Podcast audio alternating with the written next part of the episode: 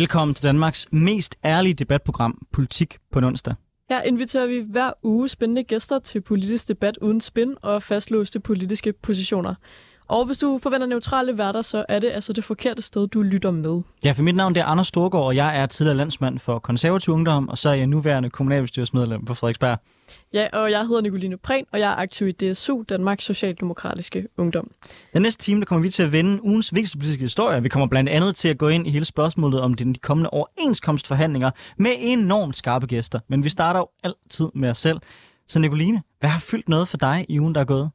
Jamen, øhm, jeg læste faktisk i går, at øh, EU's klimatjeneste ligesom har regnet på, og nu sådan kommet med sådan en rapport, der konkluderer, at de seneste otte år har været de hidtil varmeste nogensinde, øh, mens man ligesom har målt temperaturer. Jeg tror, at man startede med at gøre det et tidspunkt i 1800-tallet. Øh, og det er ikke, fordi det kommer som nogen kæmpe stor overraskelse, men alligevel så er det jo bare uhyggeligt, synes jeg, hver gang, at de her ting øh, ligesom bliver fastslået, understreget, at det har altså været de sidste otte år, har været de varmeste nogensinde, og øh, 2022, altså det år, der lige er gået, det har været øh, det femte varmeste på kloden øh, nogensinde overhovedet. Øhm, og det, det har også bare nogle konsekvenser, kan man se. I, i rapporten står der også noget med, at, at for eksempel i Pakistan, hvor man jo virkelig har set øhm, temperaturen er steget, der har været rigtig mange oversvømmelser. Øhm, faktisk sådan de aller værste oversvømmelser i hele Pakistans historie. Og der er altså over 33 millioner mennesker, som er blevet direkte berørt, og der er rigtig mange, der er blevet fordrevet fra deres hjem. Øhm, og antallet af mennesker, som ikke har adgang til mad, er blevet fordoblet til omkring 14,6 millioner. Øhm, altså bare i Pakistan. Øhm, og, og det er nogle tal fra, fra FN, der, virker det, der viser det. Øhm, og det synes jeg bare er, er virkelig holdt, altså virkelig vildt, og både Frankrig, øh, England, Spanien og Italien har haft rekordhøje gennemsnitstemperaturer i 2022. Øhm, så det fortsætter ligesom bare. Det er bare meget længe, vi har vidst det her nu, øhm, og, og bliver ved med at tale om, har talt om øh, 10-20 år, vi skal gøre noget ved det, øhm, laver alle mulige planer og har nogle målsætninger, øhm, men det bliver ligesom ikke rigtig ændret. Øhm, så man bliver jo bare meget bekymret, øhm, især fordi det ikke kun jo går ud over sådan øh, naturen, selve jordkloden, vi ødelægger, men fordi det også, som vi ser i Pakistan for eksempel, har direkte konsekvenser. Øhm, der har også været jo sådan flodbølger i Tyskland og i Belgien, hvor der også er mennesker, der er blevet slået ihjel. Blandt andet en, en 15-årig pige i, i Belgien sidste år. Øhm, og jeg synes bare, at de her tal, det, det, det skriger til himlen om, at vi nu må gøre noget mere ekstremt, at vi altså ikke gør nok, at vi skal have nogle øh, hårde værktøjer i brug simpelthen. Vi skal uden tvivl gøre mere.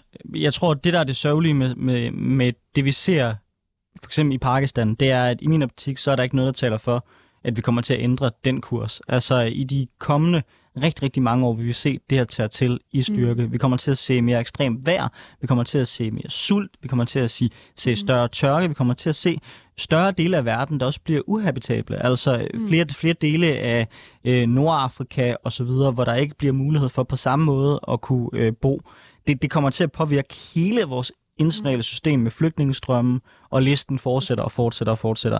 Og ja, der mener jeg helt klart, at vi skal, vi skal være langt mere offensiv i forhold til at rykke på klimadagsordenen. Det er en af grundene til, jeg synes, det er vigtigt, at vi gør det. Altså, man skal holde sig for øje. Nogle, nogle gange så siger vi jo, at jorden går under, hvis, man, hvis vi går ned ved klimaforandringerne. Det er sådan set ikke rigtigt. Jorden kommer til at klare sig ganske fint. Mm. Det, der kommer til at gå, gå under, det gør vi nok heller ikke, men, men dem, der kommer til at få det markant dårligere, det er menneskeheden. Præcis. Det er os mennesker, der bor på kloden. Mm. For når klodens temperatur kommer til at ændre sig markant, så bliver vores levevilkår dårligere. Og det er, uanset om man så har den holdning, at hvad fanden skal jeg, skal jeg rave mig for Pakistan, mm. så kommer det til før eller senere også at ramme os. Jo, så, fordi... så, så den lille investering, vi skal lave i mm. Som er lille, men vurderer det sådan noget måske 1-2% af vores BNP samlet set i verden, altså det for at løse de her udfordringer. Det er en meget lille investering i forhold til de 20-30% af vores BNP, det kan koste samlet set i verden, hvis vi ikke gør noget. Ja, for når vi ser, at det bare i et enkelt land, Pakistan, er 14 millioner, der er fordrevet fra deres hjem, som altså skal finde et andet sted at bo, det kan jo så være andre steder i Pakistan, det kan jo også være i andre lande, det er jo det, der er helt problemet, at man kan ikke bare tænke, åh, oh, men jeg bor et sted på kloden, hvor det ikke rammer så hårdt, øhm, eller sådan noget, fordi for det første, det kommer til at ramme alle steder, det gør det også allerede, vi ser det i Tyskland og i Belgien, så kan man tænke, okay, vi kan bygge os ud af det, vi bygger nogle sådan stormsikringer og sådan noget, øhm, men der kommer flygtningestrømmen, der kommer mennesker hertil, som vi også bliver nødt til at forholde os til. Øh, så jeg tror, det kommer til at ændre også hele måden, man tænker international politik. Øhm, man kan være nervøs for, at der starter konflikter, krig over for eksempel altså ressourcemangel. Øhm, så ja, det, øh, det er jo bare øh, sådan noget, der, jeg synes, hver gang der kommer et tal om klimaforandringerne, så bliver man øh, bekymret. Øh, men vi skal også lige nå at runde, hvad øh, du har lagt mærke til i ugen, der er gået, Anders. Det bliver en tour de force gennem to vigtige nyheder, som på en eller anden magisk vis jo også er øh, forbundet. Den ene, det er, at øh, Tyrkiet nu melder sig klar til et samarbejde med Assad og Putin i forhold til at skabe fred i Syrien. Ja. Man kan stille spørgsmålstegn ved, om det bliver en god fred, og i så Noget fald... af en trio øh, med de tre mænd i hvert fald. Præcis, og en god fred, det er så næste spørgsmål for hvem. Uden tvivl betyder det, at Tyrkiet prøver at lukrere lidt på Ruslands svage position til at få mere indflydelse mm. i regionen.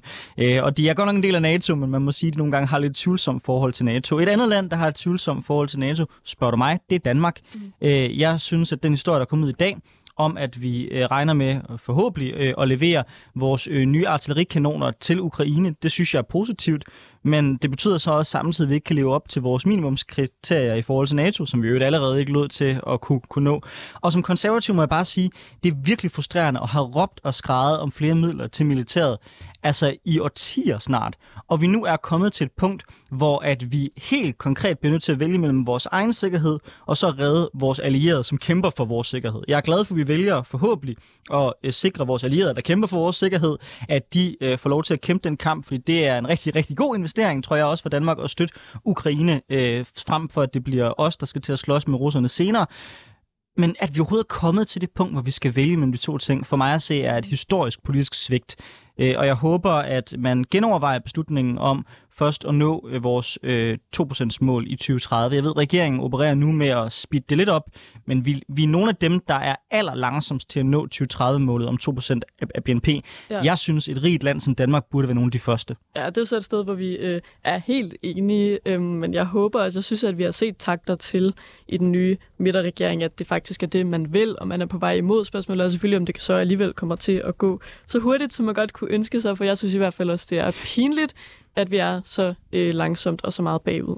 Jeg synes, det er dejligt, at vi er, vi er, vi er enige, men vil du ikke anerkende, at Socialdemokratiet historisk Jo, har spillet jo, en problematisk rolle på Jo. det her spørgsmål? Jo, altså det er jeg helt enig i, og det er jo også derfor, jeg er glad for, at vi øh, jo nok lidt for sent, nu hvor vi så har en krig i Europa, så er det gået op for os, at vi er nødt til at gøre noget. Vi er nødt til at faktisk bidrage til det forsvarsfællesskab, vi gerne vil være en del af.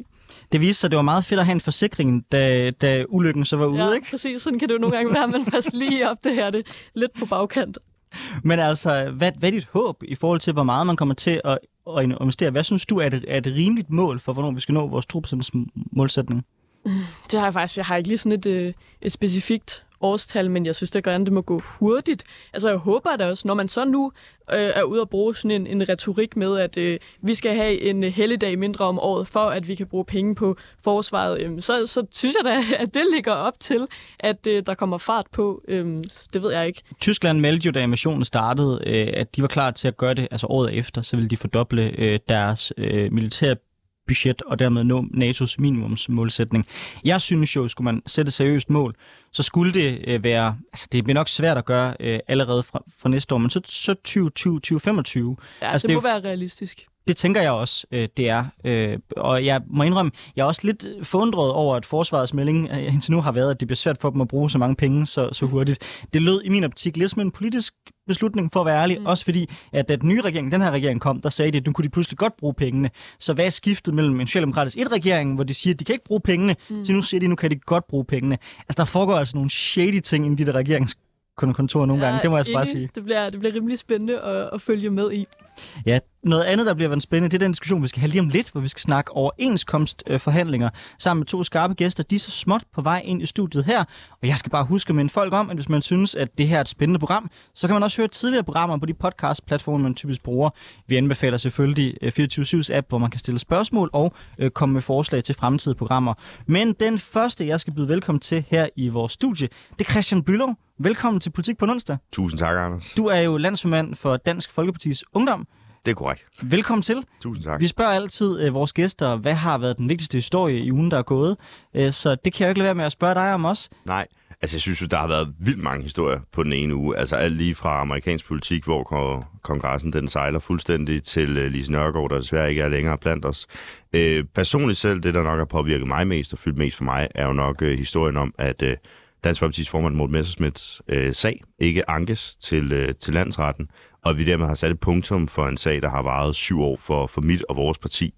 Øhm, og grunden til, at det er så særligt for mig, er jo, fordi jeg har arbejdet for Morten nu gennem øh, seks år. Øh, så det er jo også en sag, der har ramt en lidt personligt også, lige så vel som det har for Morten. Så det er dejligt, at der endelig er et punktum, og vi kan se fremad og tale politik igen. Ja, for jeg tænkte også, når man er DF'er og ser fremad, nu havde vi øh, Pernille Vermund, der i går var ude og sige, at hun altså ikke genopstiller til Folketinget. Hun trækker sig også som, som formand for Nye Borgerlige. Mm. Er det så er det sådan et tidspunkt, hvor man som øh, DF'er tænker, yes, nu kan det være, at vi kan komme lidt på banen igen, som, som dem med, med en, af, en af de partier med en stram indvandrerpolitik på højrefløjen?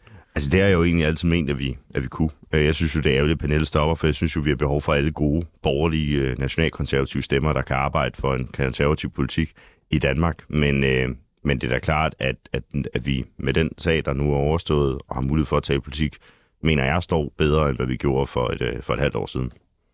Altså personligt så håber jeg jo selvfølgelig, at, at Nye Borgerlige forsvinder fra dansk politik, fordi jeg vil mene, at det giver langt bedre mulighed for at få et velfungerende borgerligt samarbejde. Øhm, altså man kan jo se, øh, VK kunne godt samarbejde med DF. Det sekund, du har tre partier på den yderste højrefløj, der skal slås om de samme stemmer, og dermed hele tiden øh, så, så at sige, sover med dolken under, under, under dynen, klar til at stikke den ind i ryggen, så er det bare svært at få et borgerligt samarbejde til, til, til virke, der ikke bliver skingert. Øhm, hvad er din analyse af, hvordan det borgerlige Danmark ser ud post Venstres øh, udmeldelse og indmeldelse i Socialdemokratiet? Øhm, bumpet vil jeg nok, øh, vil jeg nok sige med et enkelt ord, øh, men dog ikke, at der ikke er muligheder. Øh, igen, en anden nyhed, der har været den her uge, er jo, at, øh, at Morten jo har taget initiativ til at invitere de andre borgerlige partier, øh, såvel som også dele af, af venstrefløjspartierne ind til en dialog omkring, hvordan vi kan håndtere den røde øh, og blå, hvad man kan kalde den magentafarvede regering, der nu er kommet hen over midten. Øh, så det er jo i hvert fald et udgangspunkt, hvor det er, at vi ser ind i et samarbejde, både på tværs, både med SF og andre gode partier, øh, om ikke nødvendigvis politikken, men hvordan vi kan håndtere den kommende regering, eller den nye regering. Og vi skal også byde velkommen til dig, Alexander Blaunsfeldt, øh, som jo i den seneste meningsmåling er ungdomsformand for Danmarks øh, næststørste parti og største oppositionsparti, øh, Socialistisk Folkeparti. Velkommen til Politik på onsdag. Jo, tak. Vi lægger jo altid med at spørge folk, hvad har været den vigtigste historie i ugen, der er gået, så gå mok. Jamen, jeg tror, det har jo været det her med en, med en meningsmåling på, på de 11 procent. Det, er jo, det er jo helt fantastisk, og det tyder jo godt fremad. Men jeg tror, øh, altså en anden ting, som, som jeg vil fremhæve, som virkelig er gået, gået under radaren, det er den her sådan, genopstart af, af minkerværet, der har været. Fordi man har jo officielt ladt øh, minkavlere genopstart fra den 1. januar. Øhm, og, og, og det synes jeg personligt er fuldstændig vanvittigt. Altså sådan, at man, man vælger at bruge... Øh, altså jeg tror, hvad er det, at 19 milliarder på at kompensere nogle minkavler for at lukke deres erhverv af sundhedsmæssige hensyn. Og så vælger man at genopstarte det, når man ved, at sygdommen er stadigvæk en trussel. Man ved, at øh, EU måske vil lukke det. Øh, måske i 2024 allerede. Øh, så kan de nå at køre et år, inden vi skal til at kompensere en masse mennesker igen. Øh, altså, der er rigtig mange faktorer. der. dyreetisk råd har været ude at sige, at det er uforsvarligt at starte op igen. Altså, der er så meget, der peger imod det, at det mest af alt virker som spændende at genopstarte det. Men er det ikke fordi, man kan sige, for jeg tror, at jeg er grundlæggende enig med dig i, at vi ikke skal have minkerhverv i Danmark. Øh, jeg synes ikke, det gør nogen mening, og sådan på den måde sådan dyrke pels. Man kan producere tøj på mange andre, meget mere bæredygtige måder. Men er det ikke fordi, det vil være lidt mærkeligt at ligesom lukke det ned i forbindelse med, at man, man har lukket det af sundhedsmæssige årsager i forbindelse med corona, så kommer man ligesom til at sådan trække nogle forkerte sammenhæng. Bliver man ikke nødt til i en, altså, et senere tidspunkt at ligesom lave en beslutning om, okay, nu lukker vi det ned, som jo er med nogle andre begrundelser, bæredygtighed, dyre, mishandling, øh, men jo ikke har noget med sundhed og corona at gøre. Men jeg tror, altså, mit problem er jo det her med, at, at, at truslen fra, fra både corona, men også andre sygdomme ved, ved, ved zoonosis øh, skulle være fuldstændig væk, bare fordi, at vi er blevet vaccineret mod covid-19. Altså, man ved, at, at tæt dyreavl, både inden for, inden, altså inden for, for grise, men inden for, for køer og inden for øh, mink, Altså, der, der er bare en høj risiko for, for, at sygdommen spreder sig. Og det er jo også øh, altså, det, man har set med, med mange sygdomme efterhånden, at det er sådan, de starter. Og det bliver man jo også nødt til at tage stilling til, når man vurderer, hvad for nogle erhverv skal vi have. Samtidig så synes jeg jo godt, at man kunne sige, okay, nu har staten brugt sindssygt mange skattekroner på, på at lukke et erhverv. Jamen, skal vi så ikke holde det lukket, når man har gjort det samme med ræveavl også? Altså, specielt når EU alligevel har tænkt sig med, med overvejende sandsynlighed at gå ind og lukke det, fordi det også er en invasiv art det, det ved vi jo ikke. Øh, og, og, og man lukkede det jo, fordi man kom til, eller man gav jo pengene, fordi man kom til at lukke det ulovligt. Øh, men hvis vi kigger lidt på, sund, på den sundhedsmæssige øh, pointe, som, som, som du kommer med, så kan det jo rigtigt nok, der er jo dyretiske perspektiver. Det kan man godt have en holdning. Og jeg noterer mig, at SF havde samme holdning både før og efter corona, så må ikke det nok nærmere at det mere end den, den, den sundhedsmæssige. For der er jo undersøgelser, der bagefter har, har vist, at der ikke var en markant større risiko. Der er flere minkavlslande, der har fortsat med at have, have minkavl, uden det har ledt til en, øh, til en større form, form for smitte. For jo, du har, men du har selvfølgelig ret i, mink, ligesom svine, øh, svin og mange andre øh, dyrehold, vi har, det har en sundhedsrisiko forbundet med det. Men jeg har altså ikke lige hørt, at regeringen, eller SF for den sags skyld, ønsker at forbyde øh, svineavl i Danmark. Nej, men jeg tror, at SF har været rimelig klar over, at der skal skæres ned på det. Øhm, altså både i forhold til, til, til svin og i det forhold til... Det betyder ikke noget i forhold til sundhed. Du kan bare klumpe, klumpe dem sammen stadigvæk der, hvor du har dem. Så det, det, der er stadig en sundhedsrisiko. Jo, jo, helt sikkert. Men altså generelt set, så tror jeg, at, øh, at man er fælles om på venstrefløjen og forholder sig rimelig, rimelig kritisk til, altså, hvordan vores landbrug fungerer netop grund af den sundhedsmæssige risiko ved det. Øhm, men nej, jeg tror i forhold til... Altså, der er jo mange pointer for at, at skulle holde minkavl lukket.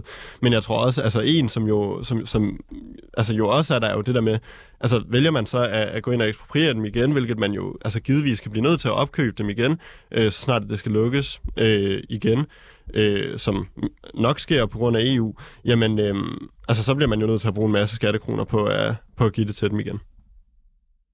Alright, før vi går over til selve debatten og overenskomstdiskussionen, så vil jeg også gerne have din analyse på dansk politik, som vi står i lige nu. Nu startede jeg ud med at sige i største oppositionsparti, men altså, øh, er der noget basis for et rødt modspil mod regeringen? Nu talte vi jo før omkring det borgerlige modspil, men ser du også, øh, så, så at sige, en rød alliance af partier samle sig bag Pia Olsen Dyr?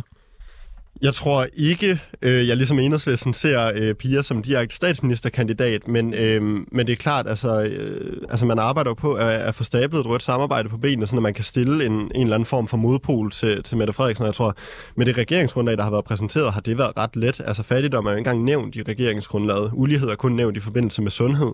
Altså der er ret mange pointer, hvor man kan gå ud og være ret utilfredse. Og altså, jeg tror da heller ikke, at det er nogen hemmeligheder. Så rækker man jo også over til, til partier som Dansk Folkeparti, som om ikke andet har vist sig at være røde øh, på, på nogle punkter.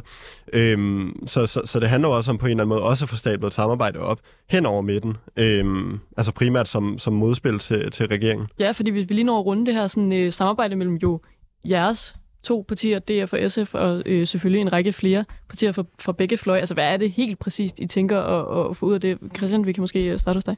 Jamen altså, det er jo et initiativ, der er taget, hvor man jo samler partier som SF, øh, Enhedslisten, Dansk Folkeparti, LA og Konservative. Det er jo partier, der øh, grundlæggende er med i mange af de forlig, som har været igennem de sidste mange år, og dermed så er det jo også de partier, der har et, et sidste ord i rigtig mange øh, sammenhænge, når det kommer til for eksempel tilbagetrækningsordningen, som vi jo lavede sammen med SF og Enhedslisten og de øvrige øh, røde partier. Øh, så er det jo et, et område, hvor at vi jo har det sidste ord i forhold til, hvad skal der ske med en Arne Plus Plus-ordning, hvad skal der ske med øh, seniorførtidspensionen, og der tror jeg egentlig, det er meget sundt og meget, meget god idé at sige, okay, vi kan måske ikke gøre så meget ved, at de har 90 mandater, men vi kan gøre noget ved de forlig, som vi skal til at forhandle, hvor vi kan få en indflydelse. Og der tror jeg, det er meget øh, godt, at man har et arbejdsrum, et arbejdsfællesskab, hvor man jo på tværs af partierne i de forligskreds, man nu er i, kan koordinere, hvordan vi så ligesom skal håndtere den her regering. For det er klart, hvis vi bruger tid på at bekrige hinanden i den mellemliggende proces, så får den regering også det er meget nemmere i forhandlingslokalet med at skulle håndtere tre partier, der måske bare bekriger hinanden, i stedet for tre partier, der samarbejder med hinanden. Så det er altså ikke fordi, at det er gået hen og blevet lidt røde? Som nej, det, det er for guds skyld nej. Øh, det, vi vil jo om nogen gerne have en borgerlig regering og et, og et borgerligt øh, flertal i Danmark. Det var der jo bare desværre ikke mulighed for. Øh, og, og man kan sige meget ondt, kan man sige om Jacob Ellemann efter det her, men, men en god ting kan man da sige, det er, at han jo i hvert fald har trukket regeringen fra den yderste venstrefløj ind på midten. Altså, og det er jo alt om lige bedre end, end alternativet, men stadig ikke det bedste alternativ. Jeg tror også, at en af de ting, som, som man kan gå hen og samle sig om, det er jo det her med, at allerede nu har man set, at regeringen begynder at lukke sig lidt ind i sig selv. Altså, øh, Lars Løkke var ude og sige, at kan man ikke afskaffe store bededag, jamen, så er man ikke en del af et forsvarsforlig. Øhm, og, og det er jo et, et af de problemer, som jeg også ligesom har prøvet at fremhæve ved, ved at have en flertalsregering. Og der håber jeg også, at der kommer et bredt samarbejde øh, hele vejen rundt om, om regeringen, om at øh, selvfølgelig skal regeringen ikke lukke sig fuldstændig til, bare fordi at de har et flertal.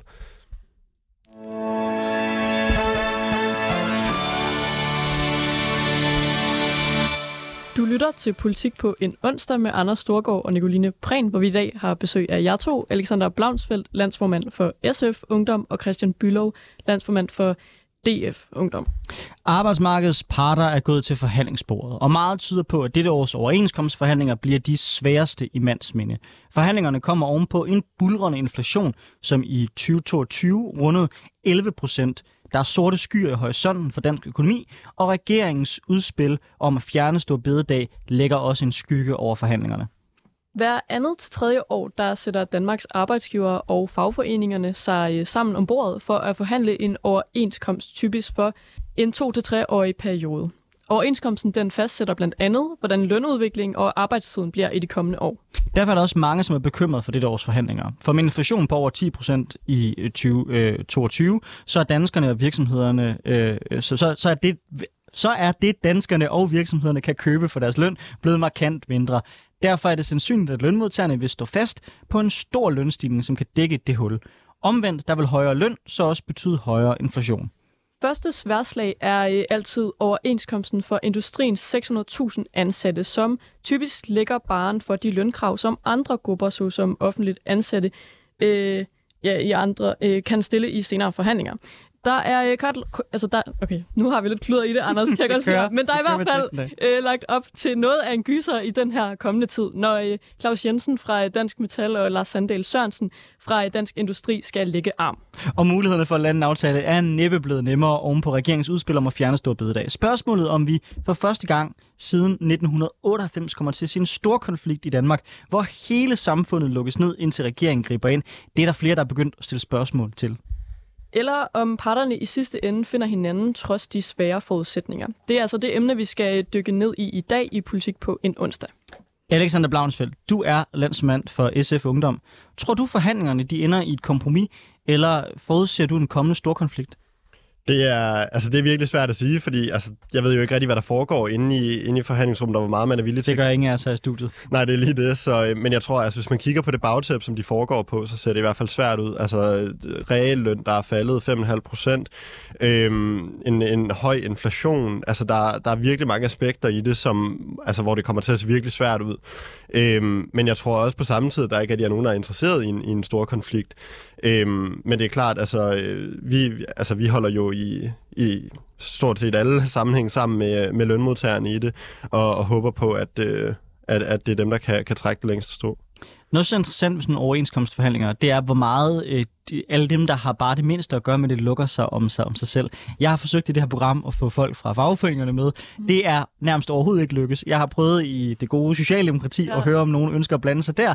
Der er godt nok også blevet stukket hovedet virkelig meget i, i busken.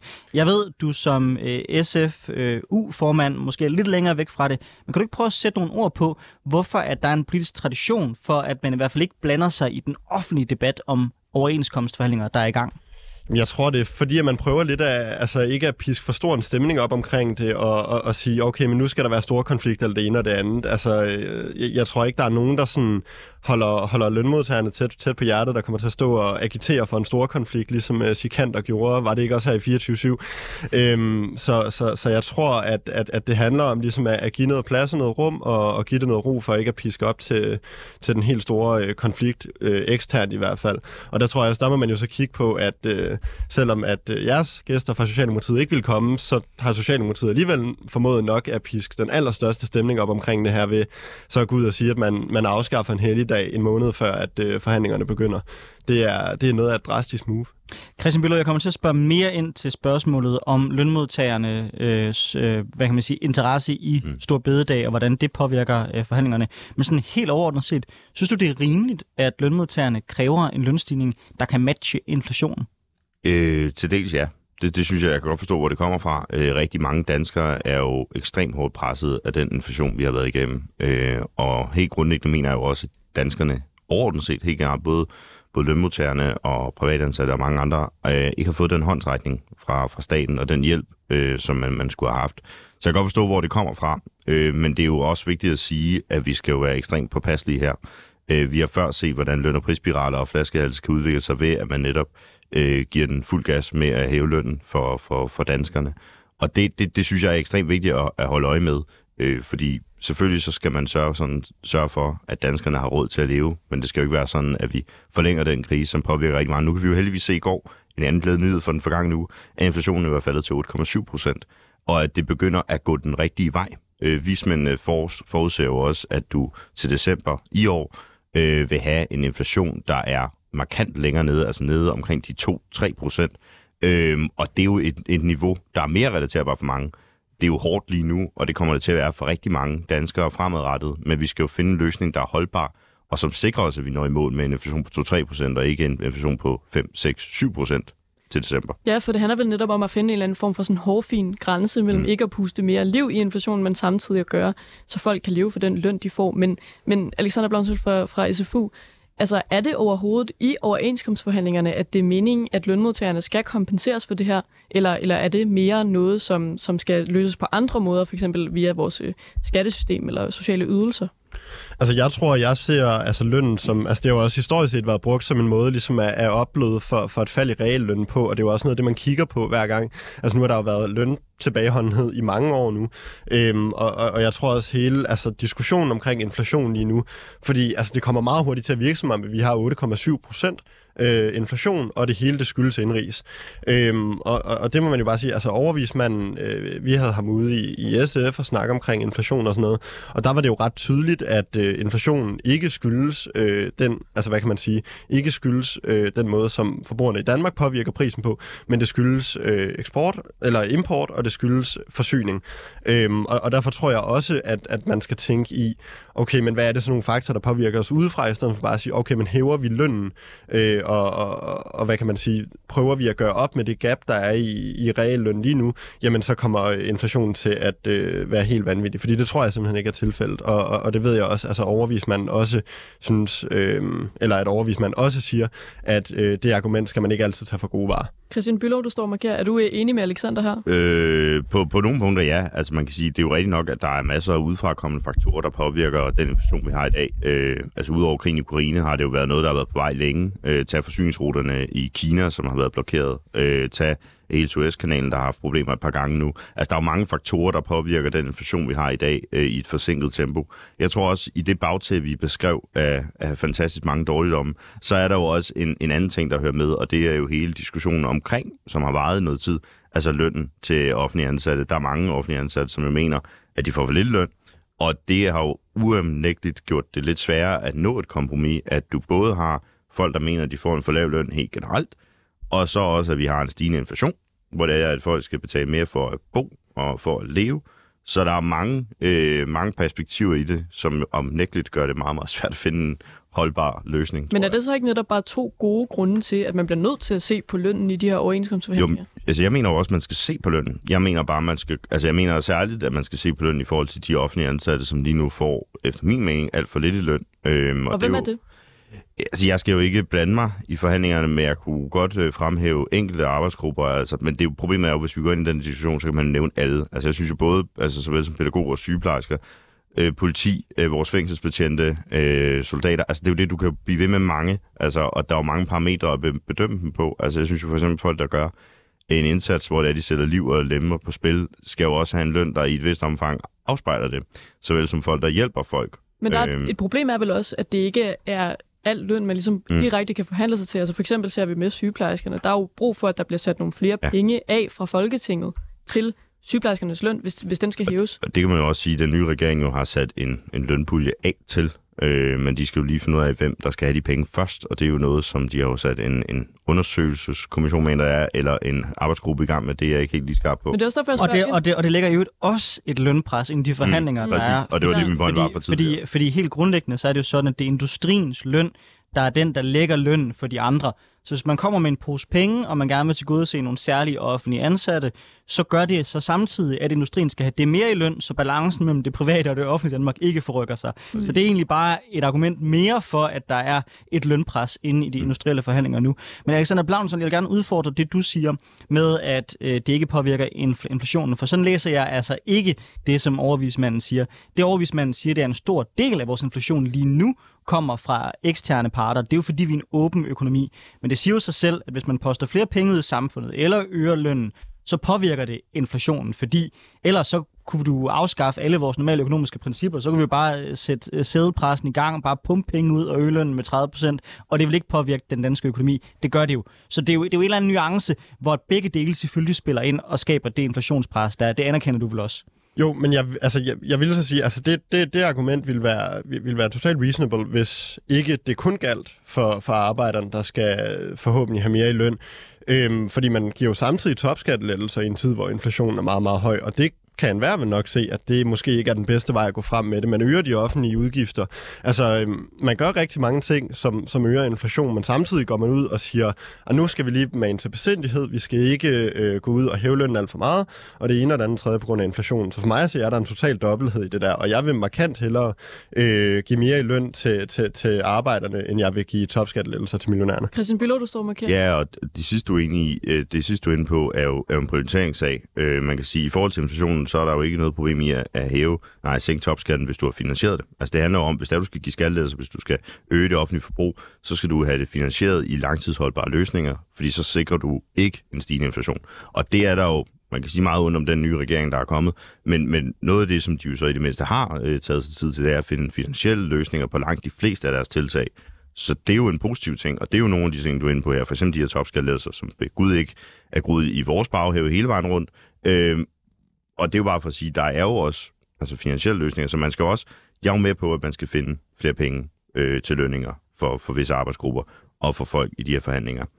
Men man skal også bare tage hele perspektivet med omkring, at det bare kan påvirke inflationen unødigt og forlænge den rigtig meget.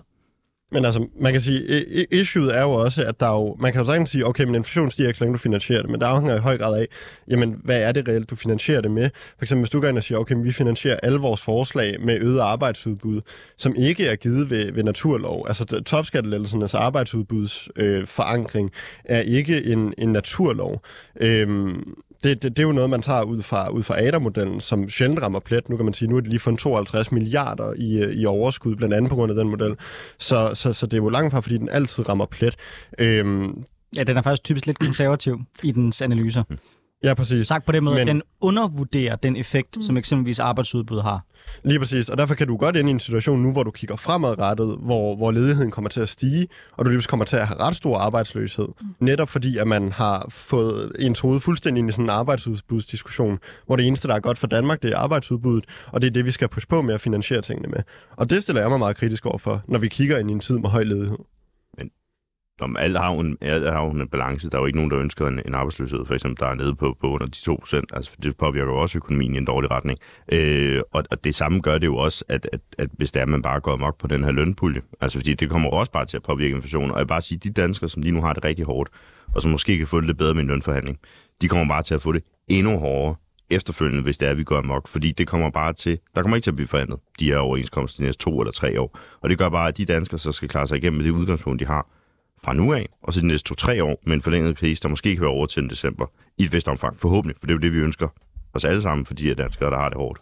Men, men, men altså, for, for mig at sige, så vil det at give mere i løn øh, kontra til, til skattelettelser, det vil jo give samme effekt, og så vil jeg egentlig hellere give, give mere i løn til, til, til, til, til de arbejdere, der er. Men, men Alexander, øhm, er, det så, er det i overenskomstforhandlingerne, at du synes, det skal ske?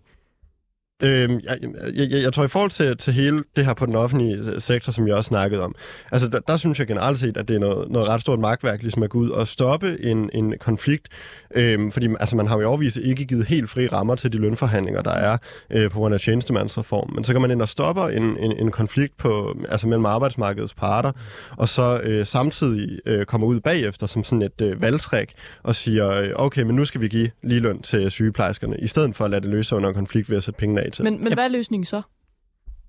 Altså, jeg, jeg synes, løsningen fra min side af er ligesom at sige, okay, så ruller vi topskattelettelsen tilbage, og så er der mere frihed på inflationen øh, til at... Øh... Til at give folk en højere løn. Øh, der, der, der tror jeg så bare, du undervurderer den anden, den anden påvirkning, som løn har, nemlig vores konkurrenceevne. Så hvis lønnen stiger rigtig meget i forhold til vores andre lande, øh, så, så er det ikke særlig godt for konkurrenceevnen. Det er derfor, man nogle gange har foreslået blandt andet Poul Slytter, der aldrig fik det igennem århundredes plan, så var man skulle sænke skatten, og til gengæld så også øh, sænke lønningerne, så folk fik mere i velstand, fordi vi konkurrerede bedre. Men det, det lykkedes ikke dengang. Men der er jo en sammenhæng mellem de to ting, som man i hvert fald må, må anerkende trods alt. Ikke? Men også Jo, men altså, både over, fordi altså, konkurrenceevnen er, er jo steget ek- ekstremt meget, også i de tider, hvor lønnen er steget ekstremt meget. Øhm, så det er, jo simpelthen, altså, det er jo ikke den eneste faktor, der er. Så kan man sige, jo, virksomhederne har måske ikke det helt samme på bundlinjen, men det har øh, arbejden til gengæld, der kan gå ud og forbruge hos de virksomheder. Christian Bøger, du Øhm, kan lige få ordet kort. Ja, men det, det er bare lige, at, at de her øh, skattelettelser, der vil komme med, er jo også finansieret ved, at du laver en skattestigning i nogle områder. Altså det er bare for at sige, hvis der du så ruller lettelserne tilbage, men beholder skattestigningerne, så vil du jo også gøre den almindelige dansker fattigere. Og det vil jo også påvirke inflationen, fordi så er der jo flere danskere, der vil også være høje løn. Så altså, det, er jo, det, er jo, det er jo mere komplekst, fordi hvis der du så fjerner finansieringskilden til de skattelettelser, du vil rulle tilbage, så har du heller ikke din finansiering til dine, skat, nej, til dine højere lønninger. Men det, Det, men, det hænger jo sammen. men, Nå.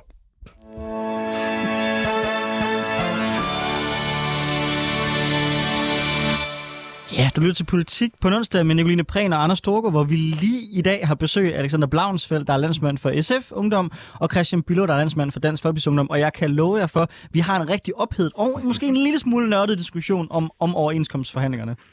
Ja, øhm, og en af de helt store ubekendte i de her overenskomstforhandlinger, det øh, som vi også har været lidt inde på, det er jo altså den nye SVM-regeringsforslag om at fjerne en helligdag, sandsynligvis store bødedag. Da en af de afgørende forhandlingsemner er arbejdstid, øhm, så er det altså noget, der fylder i forhandlingerne. Mona Strib fra FOA, som jo primært organiserer offentlige ansatte, var der også ude med riven over for regeringen. Hun udtaler til børsen, at regeringen vil fjerne en helligdag og kommer med det her forslag lige før overenskomstforhandlingerne går i gang, er fuldstændig vanvittigt, siger hun. Og hun fortsætter. Overenskomstforhandlingerne er i forvejen meget svære på grund af den høje inflation. Det her forslag skal regeringen tage bordet hurtigst muligt.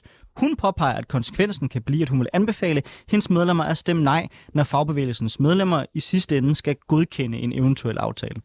Christian Bylov, tror du, at Stor Bededag kan risikere at springe de her overenskomstforhandlinger i luften? Jeg tror, der er mange ting, der kan springe de her overenskomstforhandlinger i luften, men regeringen har da i hvert fald ikke gjort det nemmere for sig selv ved at, at fjerne, eller lægge op til at fjerne øh, Stor Bededag. Øh, Det er jo klart et forslag, øh, vi i Dansk Folkeparti og Dansk Folkeparti er meget mod. Øh, af, af mange årsager, både det kulturelle og det historiske, øh, men også fordi det jo også påvirker hele mine danskere, at du fjerner en helligdag.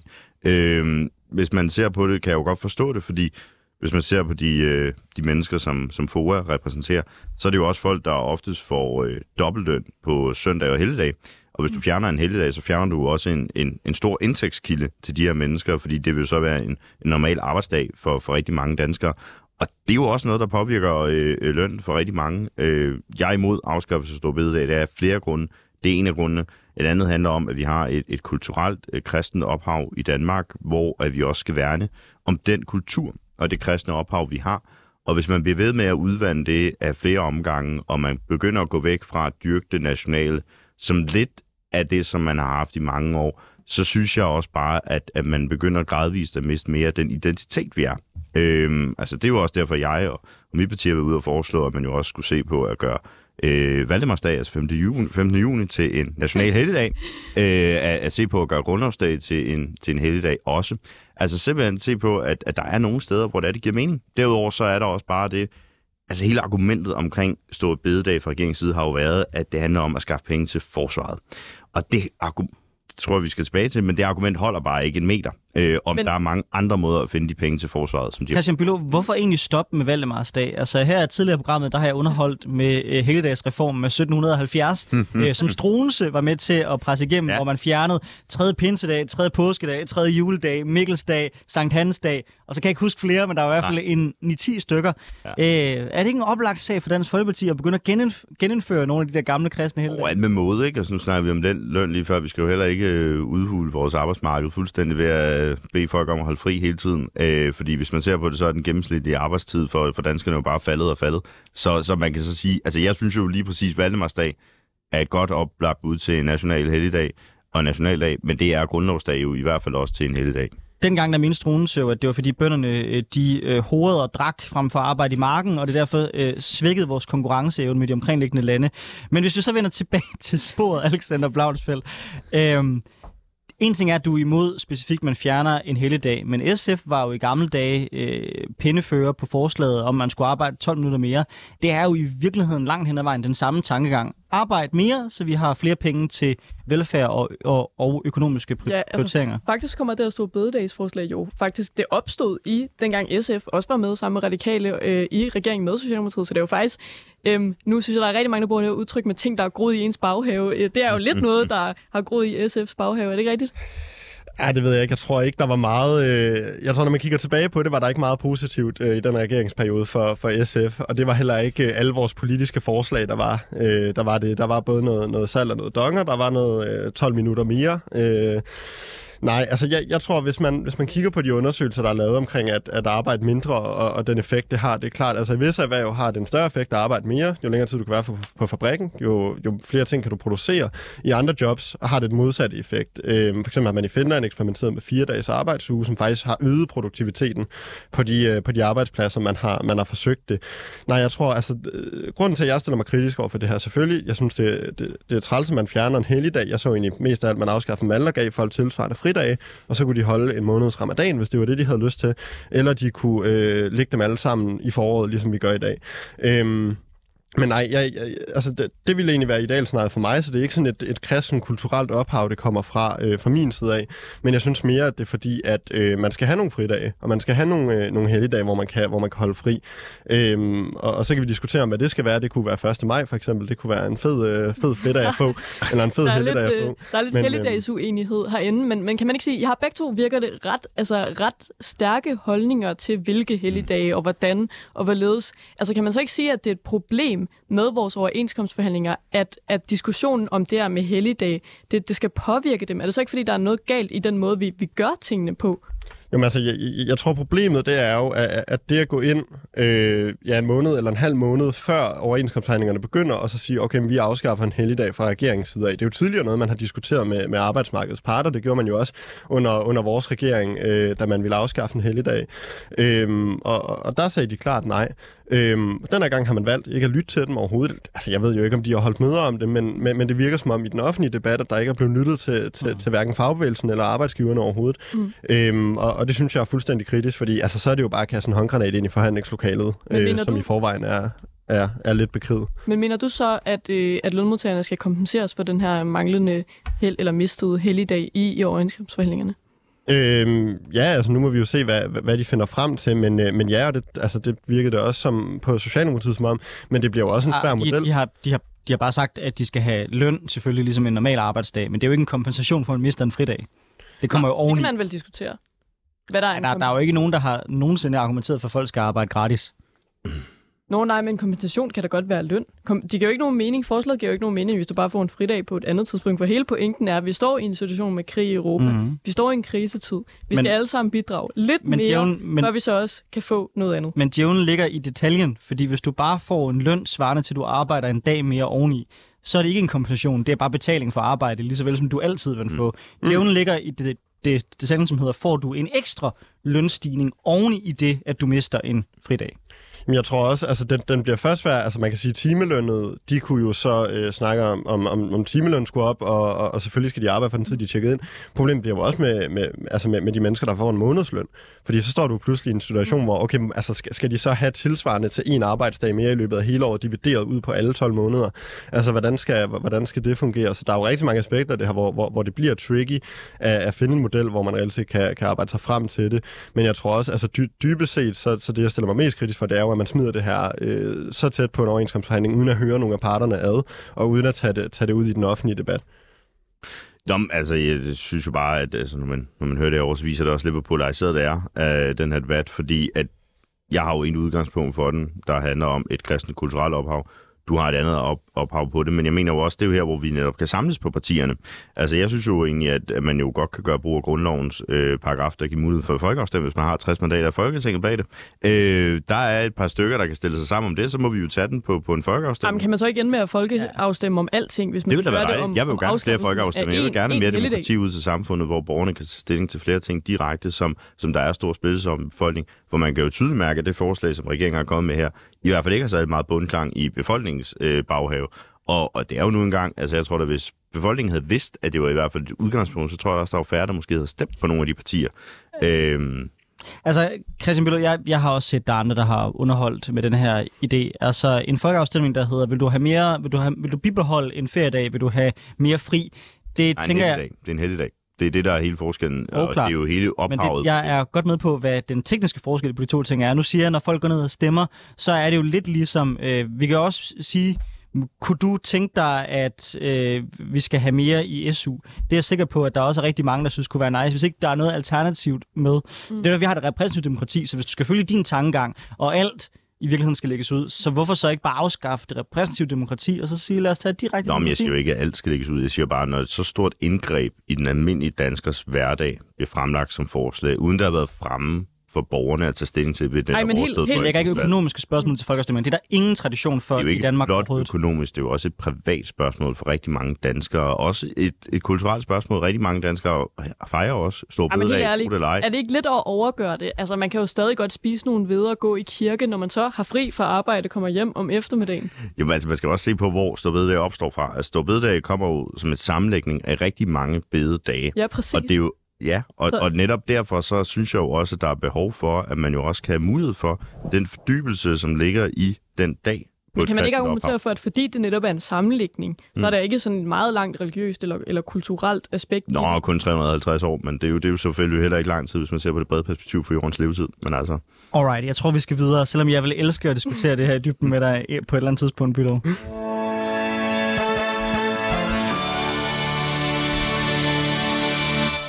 Ja, du lytter til Politik på en onsdag med Anders Storgård og Nicoline Prehn, og i dag der har vi altså besøg af jer to, Alexander Blaunsfeldt, landsformand for SFU, og Christian Bylov, landsformand for DFU.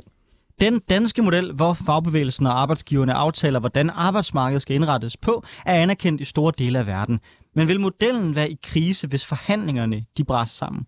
Med indgreb i konflikten om henholdsvis lærernes og sygeplejerskernes løn inden for det seneste årti, er spørgsmålet om modellen efterhånden øh, er spørgsmålet, om modellen måske skal have et eftersyn, hvis vi øh, ligesom i 1998 altså ender med ultimative sammenbrud i ikke blot én forhandling, men i de samlede forhandlinger. Alexander Blaunsfeldt, I var meget kritiske over for regeringens indgreb over for sygeplejerskerne. Hvis forhandlingerne de ender i et regeringsindgreb, støtter I så fortsat op om den danske model? Øh, ja, det, øh, det, det gør vi, og det er jo fordi, at konflikter er en del af den danske model. Altså, det er jo en del af den måde, man håndterer de problemer, der er. Øh, og det er, jo, det er jo en del af den funktion, som, som fagbevægelsen har, som øh, de gule fag, eller de gule fagforretninger, som nogen kan lide at kalde dem, ikke har. Øhm, og, og, og det er jo simpelthen også, altså konflikt er jo en, en del af det, og derfor må man jo også sige, medmindre det er meget ekstraordinære omstændigheder, så synes jeg ikke, man skal lave regeringsindgreb. Men jeg tror, at Men den danske model på især vil, altså det offentlige arbejdsmarked, der er vel nogle, nogle ting, hvor det ikke rigtigt fungerer, som vi har set med sygeplejerskerne, med lærerne. Altså, hvordan skal man så håndtere det i stedet for? Men jeg tror, altså net- netop på det offentlige område, altså der, der, der, der, er det jo også, altså der har man jo også trepartsforhandlinger, og, og, og det er jo også en, en del af den danske model, øhm, og det handler jo i bund og grund også om, at der skal være penge til at give mere i løn, og der kan man jo sige, problemet med sygeplejerskonflikten var jo netop, at man havde udsultet regionerne, så de havde ikke en krone mere til løn, men så kommer man samtidig et par måneder efter og siger, eller okay, halvandet år efter og siger, nu er der valg, nu kan vi godt give en masse penge til sygeplejerskerne, fordi så kan det være, at vi kan trække nogle af de stemmer, og, og, og, det er den del af det, som jeg synes er fuldstændig tosset, altså man ligesom tager det fra arbejdsmarkedets parteraftale, og så gør det til en politisk mærkesag. Men hvis det- vi, hvis vi får en generalstrække, så kan du ikke tage bussen. Du kan ikke handle i det lokale supermarked. Du får generelt set et sammenbrud mere eller mindre i samfundet. Mm. Det er jo ikke ligesom, hvis det er lærerne, der strækker, fordi det er trods alt en, alt andet lige en mindre del af vores samfund. Generalstrække, der er det jo nærmest hele samfundet, der lukker ned. Det kan man vel ikke som regering sidde overhøre, hvis det foregår i tilstrækkelig lang tid, eller hvad? Nej, nej, altså det er klart, det har jo, det har jo en effekt på samfundet, men, men det er jo netop også en del af pointen i at sige, okay, men altså anerkendes de mennesker, der gør så meget for vores samfund, ikke øh, for det, de laver, jamen så kommer de vigtige ting bare ikke til at blive gjort. Og det er jo, altså det, det er jo, det er jo simpelthen en, en del af den måde, vi har indrettet vores arbejdsmarked på, og det er jo også en måde, hvorpå at arbejderne kan vise vigtigheden af deres arbejde. Fordi hvis de nu bare hver gang sagde, okay, men vi kommer ikke til at gå i stor konflikt på grund af regeringsindgreb, jamen så kunne arbejdsgiverne jo bare lægge ud med at sige, okay, vi skal falde 15% i løn, fordi I kan ikke gøre noget som helst imod det. Christian Bylov, øhm, hvor vil I placere hende spørgsmålet om et eventuelt regeringsindgreb, hvis det her det ender i en generalstrække? Øh, hvor Dansk Folkeparti vil placere sig, det må Dansk Folkeparti øh, lade sig gøre. Øh, I Dansk Folkeparti Ungdom tror jeg da nok, at afhængig af omfanget... Nu tror jeg for det første ikke, det kommer til en social generalstræk. Det tror jeg ikke, det gør. Jeg tror, man, skal finde, man nok skal finde en løsning, i hvert fald for visse sektorer. Det er klart, at nogen bliver, bliver vanskeligere end andre øh, i den her sammenhæng. Men, men, men altså, som udgangspunkt er jeg jo fortaler og, og støtter for den danske model. Og det er jeg jo også, øh, selvom det kan betyde, at man jo ligesom får et sammenbrud. Men jeg mener jo klart, at, at hvis det er en generalstrejk, hvis det er der, vi når ud, tror jeg ikke, så har staten også en forpligtelse i på et tidspunkt i det her, øh, uden at det går for lang tid, at gribe ind og, og få en løsning på plads. Men jeg tror også, at det er vigtigt, at hvis man laver et indgreb, at man så også bøjer sig delvist på nogle punkter hen imod øh, parterne, afhængig af, hvad for et grundlag, der ligger på bordet, når det er, man ligesom laver øh, øh den her generalstreg. Altså hvis, hvis man har lavet et grundlag, hvor man har båret sig hen mod hinanden, og det er, jo, det er jo svært, fordi det hele er jo, er jo oppe i et perspektiv og ude i fremtiden, og vi ved ikke, hvad der kommer til at blive forhandlet, og hvad for et udgangspunkt, der kommer til en, eventuelt kunne blive udløst en generalstreg på. Men i, i teorien kan der, og mener jeg, at der bør laves et indgreb, afhængig af, hvor, hvornår vi er i konflikten. Jamen, jeg ved ikke. Altså, jeg tror, for mig at se, så er det jo det her med, det er jo ikke fordi, at nogle af parterne ønsker en konflikt. Og det tror jeg, det er jo, det er jo også et vigtigt udgangspunkt i det her. Altså sådan, øh, fagforeningerne ønsker ikke en konflikt, fordi det er pisse dyrt. Arbejdsgiverne ønsker ikke en konflikt, fordi det er pisse dyrt. Og staten ønsker ikke en konflikt, fordi det er pisse dyrt. Altså, der, der er jo ikke nogen, der, der går ind i det her øh, altså med, med, med krigsmaling på ansigtet og tænker, nu er det nu, vi skal slå til.